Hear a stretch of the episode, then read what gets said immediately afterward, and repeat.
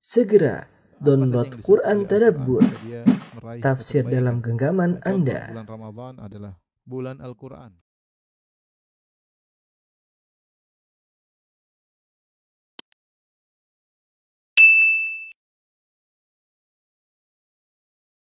Bismillahirrahmanirrahim. Assalamualaikum warahmatullahi wabarakatuh.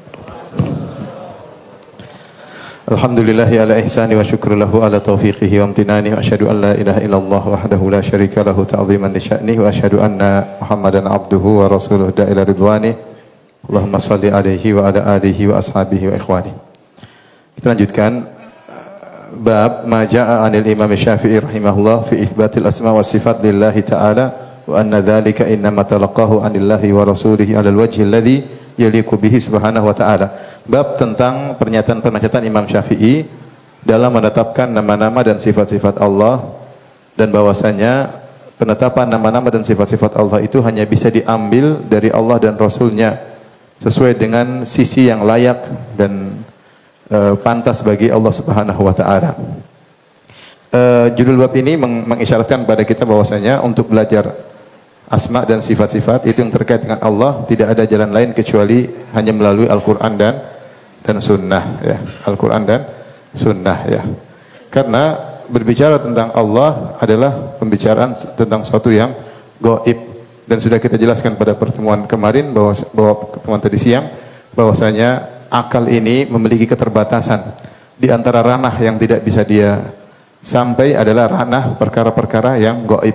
Kita nggak usah berbicara tentang Allah Subhanahu wa taala. Kita bicara tentang gaib yang lain saja kita tidak tidak tahu.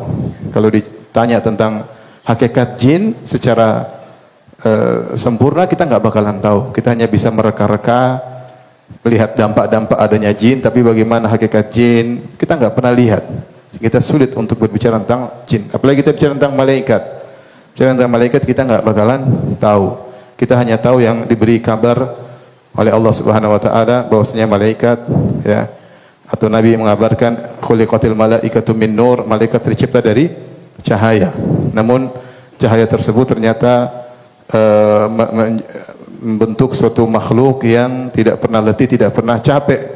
Ya, yusabbihunallaha yusabbihunal laila wan nahari eh, yusabbihunal laila wan nahara la yafturun. Malaikat senantiasa bertasbih, tidak pernah letih, ya. La yas'amun, tidak pernah bosan beribadah kepada Allah Subhanahu wa taala. Energinya tidak pernah habis padahal tidak makan dan tidak minum. Padahal tidak makan, tidak minum, tapi energinya tidak pernah habis. Bagaimana kita nggak bisa tahu dengan detail. Tapi Allah sebutkan misalnya malaikat punya sayap. Kata Allah Subhanahu wa taala, Ja'ilil malaikati rusulan uli ajnihatin mathna wa thulatha wa ruba. Malaikat dijadikan sayapnya oleh Allah ada yang dua, ada yang tiga, ada yang empat. Yazidu fil khalqi ma yasha dan ada yang lebih daripada itu. Seperti malaikat Jibril, situ mi'at sayapnya ada 600 sayap. Kita untuk menghayalkan malaikat agak sulit. Misalnya dikatakan malaikat punya sayap dua, mungkin kita bisa analogikan dengan burung. Ada sayap kanan, ada sayap apa? Kiri. Tapi kalau malaikat malaikat eh, sayapnya empat juga kita mungkin analogi. Sayap empat berarti dua kanan, dua kiri. Tapi kalau tiga kita mulai bingung. Sayap malaikat tiga, satunya di mana? Bingung. Karena nggak ada yang pernah kita lihat. Sehingga analogi kita terbatas, kenapa database kita terbatas. Sementara kemampuan untuk meng- menghayal dibangun di atas database yang ada. Data kita yang masuk ke dalam benak kita, dalam akal kita adalah makhluk burung atau yang semisal yang memiliki sayap terbagi dua sebelah kanan, sebelah kiri. Adapun sayap tiga kita bingung. Belum lagi Allah bicara malaikat punya jantung. Hatta idza fuzzi an dalam surat Saba, hatta idza fuzzi an qulubihim qalu madza qala rabbukum qalu al-haqqa wa huwa al-aliyyul kabir. Bahwasanya ketika dicabut rasa takut dari jantung malaikat. Qulub Allah mengatakan dengan apa? Qulub dan bahasa Arab qulub artinya jantung. Tentunya kalau kita bayangkan jantung pasti kita bayangkan jantung apa? Manusia atau jantung sapi, jantung ayam dan yang lainnya. Yang di situ ada mengalir darah, ada katup, dua katup masuk, katup keluar, yang bisa kena kolesterol,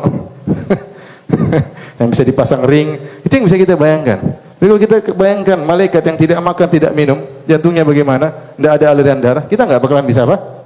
Membayangkan. Faham? Artinya kekuatan kita untuk membayangkan hal yang gaib terbatas. Allah menyebutkan malaikat basitu aidihim Malaikat membentangkan tangan mereka untuk menghajar ruh-ruh yang akan keluar dari jasad mereka, ruh-ruh orang kafir, ruh para pendosa. Tangan mereka, malaikat kita juga enggak enggak tahu ya. Kita enggak enggak tahu. Intinya ini baru bicara tentang hal gaib makhluk. Belum kita bicara tentang hal gaib Allah. Contoh uh, kita bicara lagi yang gaib juga. Contoh seperti bidadari. Bidadari gaib atau nyata? Kalau bidadari dunia nyata ya. Tiap hari lihat di rumah bidadari dunia. Kalau bidadari surga kita nggak pernah lihat, kita cuma dengar beritanya. Disuruh bayangkan nggak mampu. Kenapa nggak mampu? Otak terbatas, database ter terbatas, database terbatas. Karena kemampuan kita menghayal hanya dibangun di atas data yang kita miliki. Kalau kita memproses suatu data, data ada. Kalau datanya nggak ada, gimana kita mau proses? Data yang punya di benak kita, yang ada masuk benak kita adalah wanita tercantik di dunia yang pernah kita lihat. Lebih dari itu kita tidak tidak mampu. Ketika Nabi SAW menjelaskan tentang indahnya bidadari, kata Nabi SAW, kabiduha mir'atuhu, bahwasanya hatinya bidadari adalah cermin bagi lelaki penghuni surga. Masya Allah ya. Bagaimana maksudnya? Maksudnya kalau di depan bidadari, wajahnya kelihatan di hatinya begitu. Ya. Di mana engkau ada di hatiku, masya Allah. Jadi benar-benar kata Nabi kabiduha mir'atuhu, bahwasanya hati sang bidadari adalah cermin bagi sang lelaki. Lebih daripada itu kata Nabi sallallahu alaihi wasallam, "Yura mukhsaqaihi mukhsaqaiha min wara'il lahmi minal husn." Terlihat sumsum uh, tulang uh, betisnya di balik daging. Jadi bidadari saking cantiknya sumsumnya kelihatan. Antum bisa bayangkan bagaimana? Enggak bakalan bisa. Ketika antum membayangkan tentang wanita dunia, kelihatan sumsumnya mengerikan ya. Itu pasti gendruwo ya gimana sumsumnya kelihatan. Ya masih kelihatan. Antum bisa, antum bisa bayangkan nggak ada wanita cantik sumsumnya kelihatan? Nggak bakalan bisa. Kenapa? Otak antum mandul ya. Nggak bisa. Database-nya tidak tidak ada. Kemampuan berkhayal tidak tidak mampu. Tidak mampu kemampuan berkhayal. Makanya Rasulullah SAW untuk menafikan salah paham kata Nabi minal husni terlihat sumsum -sum, tulang betisnya di balik dagingnya karena saking indahnya. Karena saking apa? Indahnya. Maksud saya kemampuan kita berkhayal terbatas ya. Oleh karena para ulama menyebutkan tentang permisalan seperti ada seorang uh, dalam selama hidupnya dia uh, apa namanya tidak bisa melihat tiba-tiba satu menit dia bisa lihat satu detik dia bisa melihat ayam jago tiba-tiba lihat ayam jago kemudian dia buta lagi maka database yang masuk dalam otaknya cuma ayam jago maka kalau ada orang bercerita tentang binatang lain tahukah kamu gajah dia pasti bertanya, gajah itu bagaimana jika dibandingkan dengan ayam jago?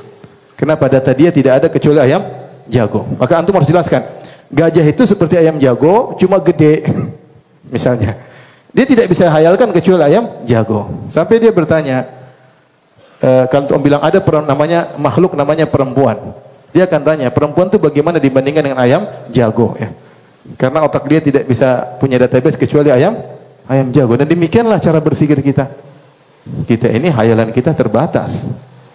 Database karena database kita terbatas, kita hanya melihat perkara yang musyahad, yang indrawi, yang bisa dilihat oleh indera kita. Nah, bagaimana kita menganalogikan ini dengan Allah yang Maha Gaib, yang Allah mengatakan laisa kamitslihi syai'. Tidak sesuatu pun yang serupa dengan apa?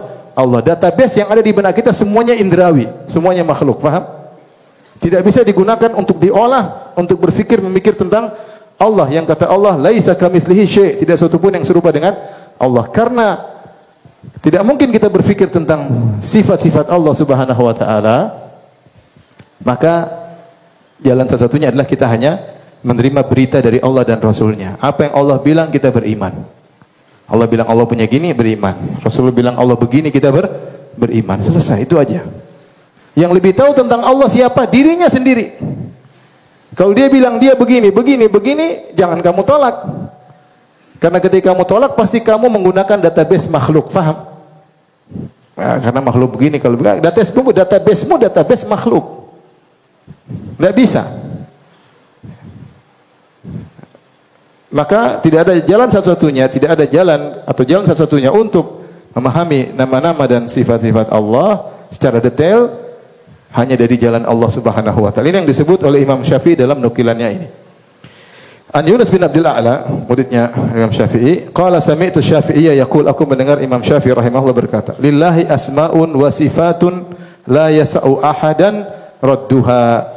Sungguhnya Allah Subhanahu wa taala memiliki nama-nama dan sifat-sifat yang tidak boleh seorang pun menolaknya. La yas'u ahadan radduha, tidak boleh seorang pun menolaknya. Wa man khalafa ba'da thubutil hujjah alaihi faqad kafar. Siapa yang menolak nama-nama dan sifat-sifat Allah setelah tegak hujjah dalil Al-Quran maupun sunnah, dia masih nolak maka dia kafir. Wa amma qabla qiyamil hujjah fa innahu yu'dharu bil jahal. Adapun kalau dia menolak nama-nama dan sifat-sifat Allah sebelum tegak hujjah kepadanya, maka dia diberi uzur karena kejahilan, karena kejahilan. Kenapa? Lianna ilma dzalika la yudraku bil aqli rawiyati wal fikr. Karena ilmu tentang nama-nama dan sifat-sifat Allah tidak bisa didapati dengan sekedar berfikir, tidak bisa. Saya sudah sampaikan tadi siang. Akal bisa berfikir Tuhan itu ada. Dengan pembagian al-maujudat menjadi dua, ada wajibul wujud, ada mungkinul wujud.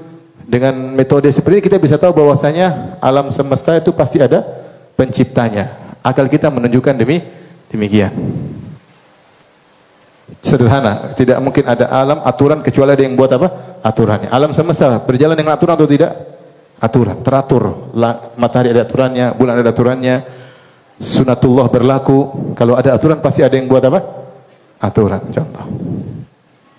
Tidak ada sesuatu yang tidak ada menjadi ada kecuali ada yang menciptakannya. Tidak ada sesuatu yang tidak ada menjadi ada kecuali ada yang menciptakannya.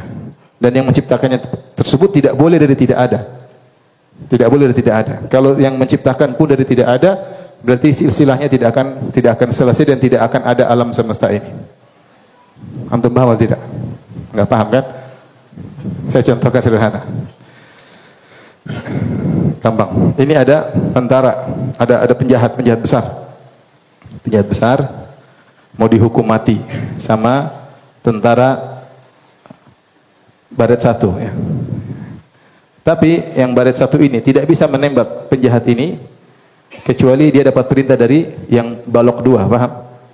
Yang balok dua tidak bisa memerintah balok satu kecuali mendapat perintah dari balok apa? Tiga.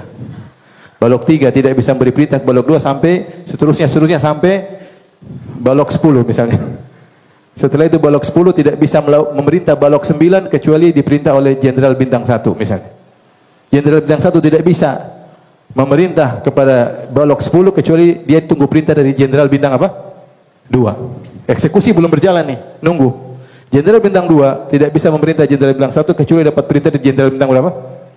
Bintang tiga. Jenderal bintang tiga tidak bisa memerintah jenderal bintang dua untuk memerintah jenderal selanjutnya kecuali tunggu perintah dari jenderal bintang empat sampai terakhir jenderal bintang tujuh terakhir. Paham? Yang jenderal bintang tujuh ini tidak menunggu perintah lagi karena jenderal tertinggi jenderal tertinggi. Baik, yang ingin saya sampaikan sama antum. Kalau jenderal bintang 7 ini ternyata tidak bisa memerintah jenderal bintang 6 kecuali jen, tunggu perintah jenderal bintang 8 dan jenderal bintang 8 menunggu jenderal bintang 9 dan seterusnya tidak ada ujungnya, terjadi eksekusi atau tidak? Tidak terjadi. Karena silsilah ini tidak ada apa? Ujungnya. Supaya terjadi eksekusi, maka harus ada jenderal terakhir yang dia memerintahkan dan dia tidak perlu diperintah. Paham sampai sini? Baru bisa terjadi eksekusi. Kita taruhlah jenderal paling terakhir jenderal bintang 7 yang dia tidak menerima perintah dari jenderal bintang 8. Dia paling tinggi. Maka dia yang memerintahkan tanpa tunggu diperintah. Bintang 7 ke bintang 6, bintang 6 ke 5, ke, ke 5 ke 1, balok 10 sampai balok 1 dor mati, paham? Terjadi eksekusi karena ada ujungnya, paham? Demikian juga alam semesta. Alam semesta ini kalau dikatakan tidak ada kita kecuali ada yang menciptakan kita, atau melalui sebab bapak kita, bapak kita tidak ada kecuali sebab kakek kita. Kalau ini enggak ada penghujungnya, kita enggak ada. Paham? Kalau sebab-sebab tersebut ada harus ada sebab sebelumnya, harus ada jenderal sebelumnya, harus ada sebab sebelumnya, alam semesta tidak ada. Ternyata alam semesta ada atau tidak? Ada. Berarti ada penghujung titik terakhir yang tidak diciptakan. Paham? Tapi dia ada dengan sendirinya. Dialah namanya wajibul wujud, dialah Allah Subhanahu wa taala. Ini contoh Tunggu atum paham nggak? Paham nggak contohnya? Paham ya? Karena kadang-kadang anak-anak tanya, bukankah setiap yang ada pasti yang ada yang mengadakan? Itu jawaban salah. Kita bilang bukan begitu. Karena tidak semua yang ada pasti ada yang mengadakan. Di antaranya Allah. Allah ada tanpa ada yang mengadakan. Tapi yang benar tidak ada suatu yang tidak ada menjadi ada kecuali ada yang menciptakannya. Paham? Tidak ada sesuatu yang tidak ada. Dari tidak ada menjadi ada kecuali ada yang mengadakannya. Adapun Allah ada tanpa ketiadaan. Paham? Ini sebagai contoh bahwasanya Tuhan bisa diketahui keberadaannya secara global. Seperti saya katakan tadi. Tuhan itu ada, akal bisa tahu. Tuhan itu maha kuasa, maha berilmu, akal bisa tahu ya bagaimana Allah menciptakan makhluk yang pinter-pinter semua ini ya pasti Tuhan lebih pintar daripada kita. Allah menciptakan keindahan pasti Tuhan lebih indah. Misalnya kita bisa logika seperti itu. Tetapi untuk detail sifat-sifatnya apa secara detail Tuhan punya wajah, Tuhan punya tangan, Tuhan bisa murka, Tuhan bisa mencintai, Tuhan bisa rahmat, Tuhan bisa sayang. Ini nggak mungkin kita tahu karena akal tidak sampai ke situ. Itu yang disebut oleh Imam Ibn, Ibn uh, Syafi'i di sini. Kata beliau, kalau ada orang menolak nama-nama dan sifat-sifat Allah karena belum datang dalil kepadanya, dapat uzur atau tidak? Dapat uzur. Kenapa? Karena mengetahui tentang nama-nama dan sifat-sifat ini tidak bisa digunakan akal semata. La yudraku bil akal, tidak bisa dipikirkan. Beda kalau Allah, Tuhan ada atau tidak. So, siapa yang bilang Tuhan tidak ada, kafir selesai. Karena keberadaan Tuhan ada atau tidak bisa digunakan pakai akal atau tidak? Bisa. Untuk tahu Tuhan ada atau tidak bisa pakai akal atau tidak? Bisa. Tapi untuk sifat-sifat Tuhan detail gak mungkin pakai akal. Karena database kita semua database apa? Mah makhluk. Oleh karenanya kalau ada orang menolak nama-nama dan sifat-sifat Allah karena tidak tahu dalilnya dapat uzur. Kenapa dapat uzur? Asy-Syafi'i rahimahullah berkata, "Li'anna ilma dzalika la yudraku bil akal" karena ilmu tentang ini semua tidak bisa diketahui hanya sekedar dengan akal, wal rawiyah wal fikr, merenungkan, berfikir tidak bisa. Kemudian beliau berkata, "Fa nuthbitu hadhihi sifat wa nanfi anhu tashbih." Maka, kami menetapkan sifat-sifat ini, sifat-sifat yang Allah jelaskan, dan Rasulullah SAW jelaskan dalam hadis, wa nanfi anhu tashbih dan kami menolak tasbih. Kami tetapkan tapi tidak tasbih. Kami tetapkan, bukan kami takwil. Dia bilang apa kami apa? Tetapkan. Kalau takwil berarti menolak, tidak menerima, maka perlu ditakwil. Perhatikan. Beda dengan kami tetapkan. Konsekuensi dari mentakwil berarti menolak, ya enggak? Allah bilang Allah punya wajah. Bahwasanya yang paling terindah di hari kiamat di akhirat adalah memandang wajah Allah. Ya, Rasulullah berdoa, "As'aluka ladzatan nazari ila wajhikal karim." Aku memohon kepada Engkau kelezatan mandang wajahmu. Ahlul bidah mengatakan wajah tidak ada. Terus yang dimaksud wajah zat. Sehingga mereka mentakwil wajah menjadi apa? Zat. Mentakwil, kenapa mereka mentakwil wajah menjadi zat? Karena mereka menolak sifat apa? Wajah, paham? Jadi takwil itu cabang dari penolakan. Paham atau tidak? Kenapa dia mentakwil? Karena dia menolak zahir daripada lafal hadis tersebut atau lafal ayat tersebut. Adapun Imam Syafi'i rahimahullah beliau berkata, "Wa nuthbitu hadhihi sifat" Ini dalam kitabnya Risalah. Kami tetapkan sifat-sifat tersebut wa nanfi anhu tashbih dan kami menolak menyamakan ya. Kama nafa'an nafsihi sebagaimana Allah menafikan dari dirinya penyamaan. Laisa kamitsli syai' tidak ada suatu pun yang serupa dengan Allah Subhanahu wa taala. Ini metode Ahlus Sunnah. Allah punya kekuatan tidak sama dengan kekuatan makhluk. Allah punya tangan, tangan tidak seperti tangan apa? Makhluk. Allah punya wajah tidak seperti wajah apa?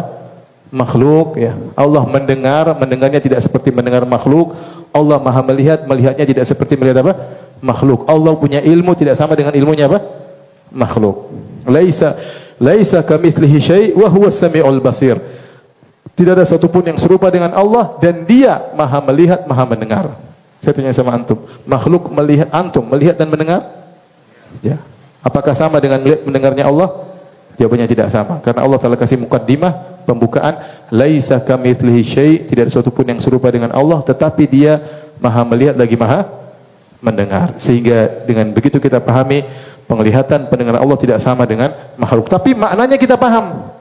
Hakikatnya ber, berbeda. Maknanya kita. Makanya ketika Nabi SAW membacakan dalam ayat dalam surat An-Nisa, "Inna Allah ya'murukum an tu'addul amanati ila ahliha wa idza hakamtum bainan nas fahkum uh, bainahum bil adl innallaha ni'ma ya'idzukum wa idza hakamta bainan nas fahkum bainahum bil adl innallaha ni'ma ya'idzukum bih sungguhnya Allah Subhanahu wa taala ya'idzukum bi innallaha kana sami'an basira. Sungguhnya Allah beri wejangan kepada kalian, innallaha kana sami'an basira. Sungguhnya Allah Maha melihat, Maha mendengar.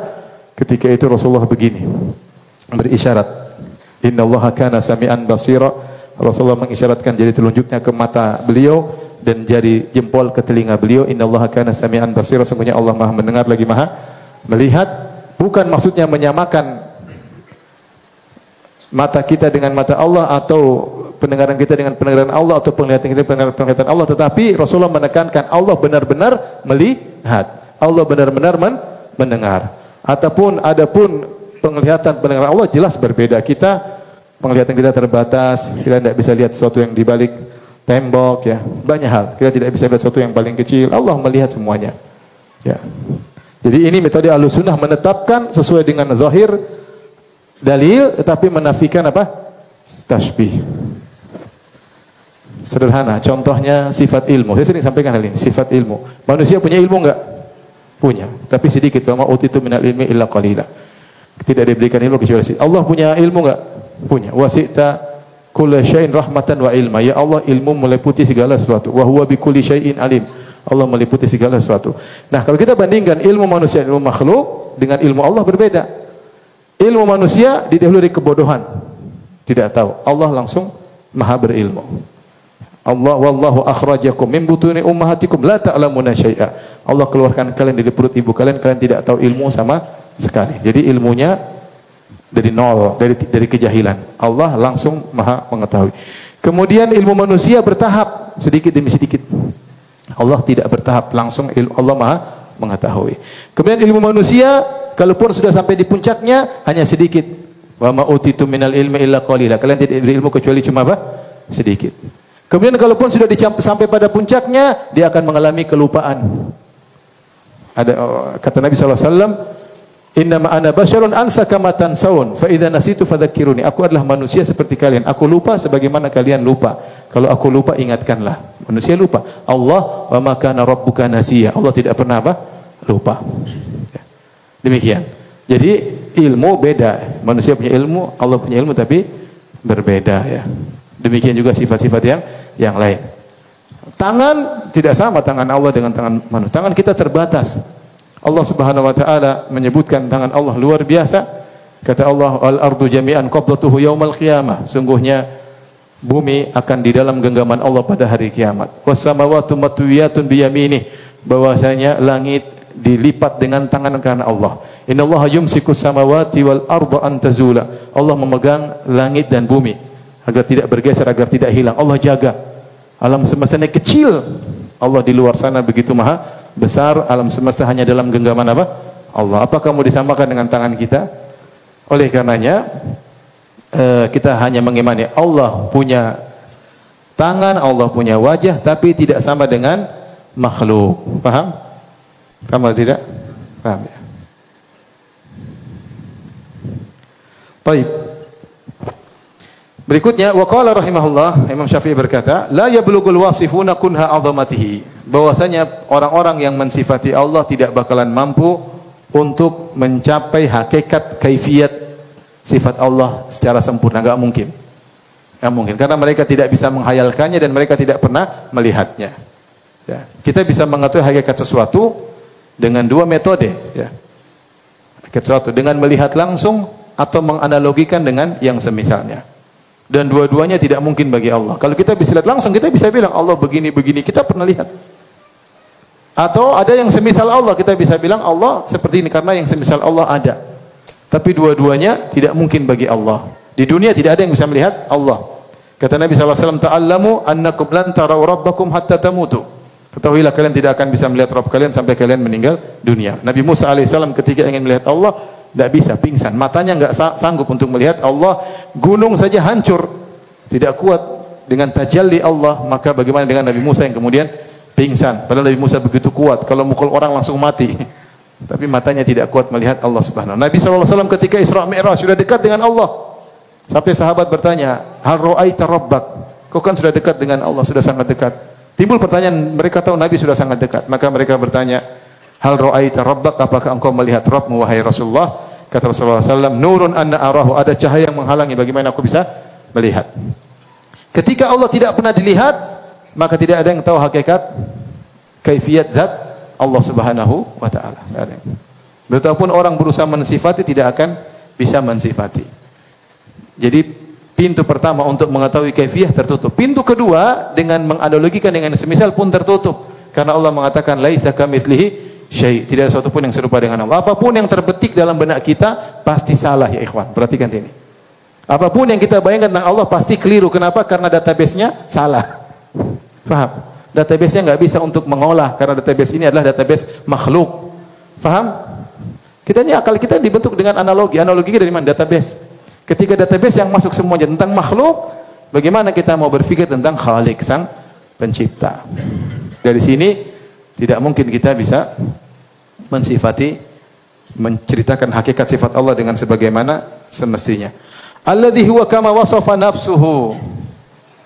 Sebagaimana Allah adalah seperti yang jiwanya mensifati dirinya atau kama wasafa nafsuhu sebagaimana dia mensifati jiwanya, dirinya itulah sifat yang sungguhnya. Wa fawqa ma yasifu bi khalquhu dan sifat Allah lebih hebat dari apa yang disifatkan oleh makhluknya. Nabi Muhammad SAW saja dalam sujudnya berkata, La uhsi thanaan alaik. Anta kama asnaita ala nafsik. Aku tidak mampu untuk memujimu sebagaimana seharusnya. Yang bisa puji dirimu sendiri adalah engkau sendiri ya Allah. Nabi tidak bisa. Nabi, Nabi sudah dikasih ilmu, kasih ilham, tapi dia tidak bisa memuji Allah sebagaimana mestinya. Apalagi di sana ada nama-nama Allah yang Nabi tidak tahu.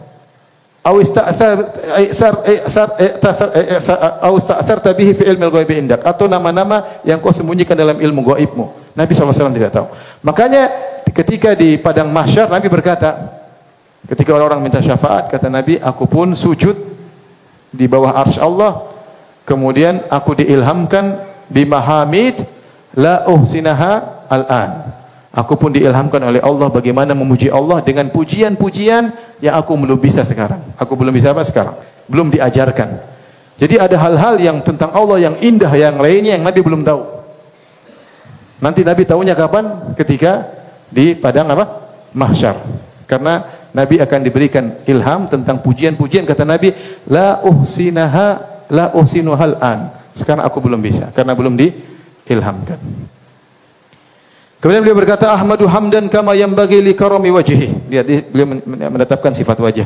Aku memujinya dengan pujian sebagaimana yang layak baginya li karami wajhi karena mulianya wajahnya.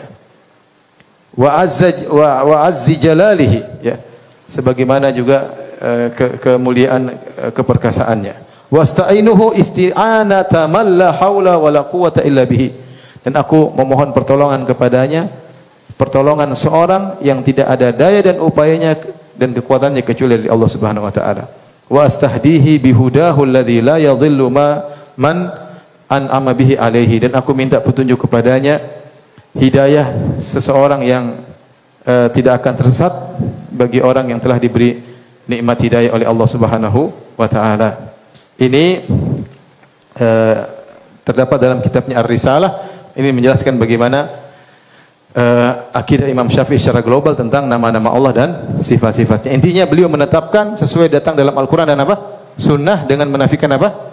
Tasbih. Bahkan beliau juga menetapkan sifat wajah di di sini dalam pernyataan beliau ini. Taib. Kita lanjutkan. Bab fi ma ja'a Imam Syafi'i rahimahullah fi anna asma'allahi ghairu makhluqah. Saya selalu mengulang-ulang hal ini tapi saya ulangi lagi, penting bagi antum semua supaya antum tertutup jangan sampai menghayal tentang Allah. Perhatikan, ketika gurunya Imam Syafi'i Imam Malik didatangi oleh seorang ahlul bidah dan dia berkata, "Ya Abu Abdullah, qala Allah Ar-Rahmanu 'ala arsy Kaifa istawa?" Wahai Imam Malik, Allah berfirman, Allah beristiwa di atas arsy. Bagaimana istiwanya Allah? Maka Imam Malik berkata, pertama dia berdiam sampai keringat bercucuran, dia enggak duga ada orang bertanya tentang bagaimana kaifiat zat Allah. Maka Imam Malik berkata, al-istiwa'u ma'lum. Istiwa itu dipahami, artinya di di atas. Wal kaifu majhul, bagaimananya tidak ada yang tahu. Wal imanu bihi wajib, iman tentang istiwanya Allah wajib. Wa su'alu anhu bid'ah dan bertanya tentang bagaimana kaifiat istiwanya Allah maka itu adalah bid bid'ah. Ini kaidah. Kenapa ikhwan? Karena kalau kita ingin tahu kaifiyah istiwanya Allah, kita harus tahu Allah bagaimana dan kita tahu ars bagaimana, baru kita bisa bayangkan. Kalau antum tahu zat Allah seperti apa, antum tahu permukaan ars Allah seperti apa, antum bisa bayangkan Allah beristiwa seperti apa. Tapi ketika dua-duanya antum tidak ketahui, antum tidak bakalan bisa menghayal. Faham? Saya ulangi. Bagaimana? Karena Allah beristiwa di atas ars ada tiga komponen. Ada Allah, ada istiwa, ada ars. Faham? Arsnya, istiwanya antum paham. Bagaimananya Allah antum enggak tahu, bagaimana ars secara hakikat antum pun tidak tidak tahu. Kalau antum tidak tahu bagaimananya Allah, antum tidak bisa bayangkan bagaimana istiwanya. Kalau antum tidak tahu bagaimana ars permukaannya, antum tidak bakalan bisa menghayalkan bagaimana istiwanya Allah di atas ars. Bagaimana jika antum tidak tahu dua-duanya? Allah antum tidak tahu, ars antum tidak tahu, antum tidak bakalan tahu bagaimana Allah beristiwa. Langit saja kita enggak tahu bagaimana penghujungnya seperti. Antum tahu langit? Enggak tahu. Antum tahu kursi, wasi'a kursi samawati wal ard. Kursi Allah meliputi langit dan antum bisa bayangkan kursi Allah seperti apa? Enggak tahu. Apalagi arsy di atas semuanya. Langit saja antum tidak tahu ujung pangkalnya mana seperti apa, enggak tahu antum. Di luarnya seperti apa antum enggak tahu. Bagaimana bicara tentang kursi, bagaimana bicara tentang arsy. Allah menyebutkan istiwa dalam Al-Qur'an beberapa istiwa. Kalau tidak salah ada empat istiwa, model istiwa tapi makhluk semua. Contoh, istiwa istiwa maknanya apa di di atas. Tapi kaifiatnya berbeda-beda tergantung siapa yang di atas, siapa di bawahnya. Contoh, Allah berfirman tentang kaifiat istiwanya manusia di atas hewan tunggangan. Kata Allah, litastawu ala zuhuri dalam surat Az-Zukhruf kalau tidak salah. Litastawu ala zuhurihi agar kalian bisa beristiwa di atas tunggangan. Kira-kira antum bisa bayangkan manusia beristiwa di atas kuda? Bisa. Kan antum tahu manusia pasti pakai kaki kan? Tidak mungkin istiwanya begini. Dia istiwa pakai apa? Kaki. Kan tahu manusia kalau naik tunggangan dengan kakinya kemudian naik di atas apa? Punggung kuda antum tahu, punggung onta antum tahu, punggung himar antum tahu. Sehingga kalau dibilang litas tahu ala zuhurihi agar kalian bisa beristiwa di atas tunggangan kalian antum bisa paham. Saya bisa paham. Karena manusia saya tahu bagaimananya, tunggangan pun saya tahu bagaimananya. Ketika saya pasang kalimat istiwa, saya paham maknanya. Paham? Taib. Allah sebutkan lagi model istiwa kedua, istiwanya manusia di atas kapal. Kata Allah, "Fa idza stawaita anta wa man ma'aka minal wa man ma'aka 'alal fulki faqul alhamdulillahilladzi najjana minal qaumidz zalimin." Dalam surat Al-Mu'minun, kata Allah, "Jika engkau wahai Nuh bersama orang-orang yang beriman bersamamu beristiwa di atas kapal." Nah, lain lagi nih. Atasnya manusia kita tahu, bawahnya apa? Kapal. Tentu tidak sama antara istiwanya manusia di atas onta dengan istiwanya manusia di atas apa? Kapal. Antum bisa bayangkan manusia di atas kapal? Bisa, mungkin dia berbaring, mungkin dia duduk ya. Tapi beda dengan istiwanya manusia di atas apa? Onta. Ini beda. Tapi kita sama-sama paham istiwa maknanya apa di di atas. Allah sebutkan lagi, misalnya istiwanya kapal Nabi Nuh di atas gunung, beda lagi. Kata Allah, "Fastawat 'alal judi." Maka kapal Nabi Nuh pun beristiwa di atas gunung Judi. Beda lagi enggak istiwanya? Beda. Tidak sama seperti istiwanya manusia di atas hewan atau istiwanya manusia di atas kapal. Kapal di atas gunung, kita tahu gunung seperti apa, kapal seperti apa bawahnya kita bisa mengira-ngirakan. Pas, paham? Jadi beda lagi. Istiwa keempat yang Allah sebutkan uh, fastawat ala sulqi yu'jibaz zurra liyaghidha bihimul kuffar. Itu batang beristiwa di atas apa? Di atas bawahannya ya. Ini uh, pohon, pohon beristiwa di, di, di atas akarnya itu beda lagi, ya.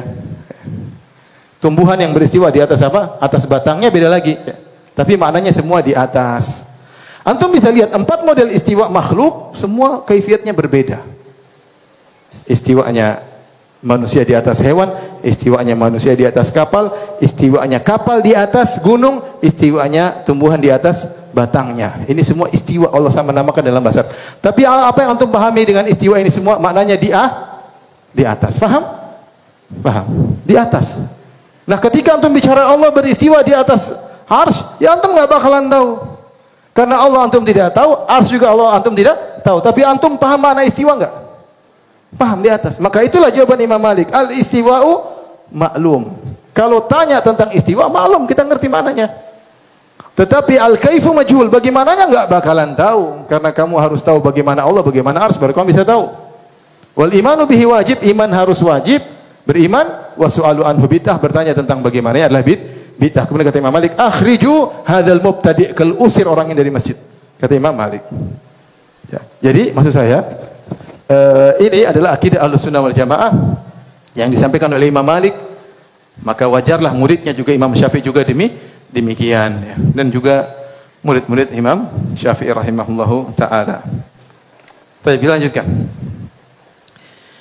Ma ja'a anil Imam Syafi'i rahimahullah anna al-Qur'an kalamullah ghairu makhluk. Bab tentang pernyataan Imam Syafi'i bahwasanya Al-Qur'an adalah firman Allah bukan makhluk. Firman Allah bukan makhluk. Ini heboh di zaman para salaf tentang pernyataan Jahmiyah dan Mu'tazilah atau Mu'tazilah yang mengatakan Al-Qur'an itu makhluk. Ya, Al-Qur'an itu makhluk yang didengungkan oleh Bishr al-Mirisi, kemudian didengungkan oleh Ahmad bin Abi Duat di zaman Khalifah Al-Ma'mun ya. Mereka mengatakan Al-Quran itu makhluk. Ini akidah Mu'tazilah. Sehingga akhirnya para ulama ketika itu disuruh menyatakan Al-Quran itu makhluk. Yang tidak mau menyatakan Al-Quran makhluk maka dibunuh. Di antaranya Al-Buwaiti rahimahullah kemarin kita sebutkan dia dibelenggu, dipenjara sampai akhirnya meninggal dunia. Imam Ahmad tidak mau sampai disiksa. Tapi dia, dia tidak dibunuh karena khalifah takut kalau dia mati orang akan memberontak akan terjadi keributan karena orang mencintai Imam Ahmad bin Hambal. Sehingga dia disiksa di penjara dikeluarkan, disiksa lagi di penjara dikeluarkan, tapi tidak sampai meninggal dunia. Ya sampai disebutkan beliau disiksa sampai daging lepas ya. ya sampai ya, luar biasa ya. Jadi imam ini mereka diuji dan banyak ulama yang takut ketika itu terpaksa mereka mengatakan Al-Qur'an itu makhluk supaya selamat. Di antara yang bertahan adalah Imam Ahmad dan Al-Buwaiti. Ada juga beberapa orang yang meninggal semuanya. Yang ber, yang hidup adalah Imam Ahmad rahimahullahu taala. Uh, An Rabi' bin Sulaiman Al-Muradi, muridnya Imam Syafi'i di Mesir, beliau berkata, "Sami'tu Syafi'iyya." Oh, sudah kelewat ini kan? Sebelumnya ada ya? Tidak apa, kita ini aja dulu, nanti kita balik lagi. Kita terlanjur. Uh, Sami'tu Syafi'iyya wa dzakara al-Qur'an wa ma yaqulu Hafs al-Fard. Aku mendengar Imam Syafi'i dan dia menyebutkan Al-Qur'an dan apa yang didengung-dengungkan oleh Hafs al-Fard. Hafs al-Fard itu tokoh Mu'tazilah. Namanya Hafs al-Fard. Wa kana Syafi'i yaqul Hafs al-Munfarid. Imam Syafi'i sering apa ngenyek dia atau apa namanya? nyinyir dia dengan berkata Hafs al-Munfarid. Al-Munfarid maksudnya bersendirian. Pikirannya aneh. Namanya Hafs al-Fard tapi dijuluki oleh Imam Syafi'i Hafs al-Munfarid yaitu Hafs yang nyeleneh sendiri. Wa nadharahu bi hadrati walin kana bi Mesir. Imam Syafi'i mendebat Hafs al-Fard di depan penguasa Mesir. Faqala lahu Syafi'i. Ketika Hafs al-Fard menyatakan Al-Qur'an makhluk, Imam Syafi'i berkata, "Kafarta. Wallahi alladzi la ilaha illahu." Engkau telah kafir wahai Hafs al-Fard. Demi Allah yang tidak ada yang berhak disembah kecuali Dia. Tsumma qamu fansarafu. Kemudian majlis pun bubar. Fasami'tu Hafsan yaqul, Rabi bin Sulaiman murid Imam Syafi'i berkata, aku mendengar Hafs ketika Imam Syafi'i berkata demikian, dia berkata, asyata wallahi alladzi la ilaha illa huwa syafi'iyyu bidami, yaitu Imam Syafi'i ingin menumpahkan darahku, ingin menghalalkan apa? darahku.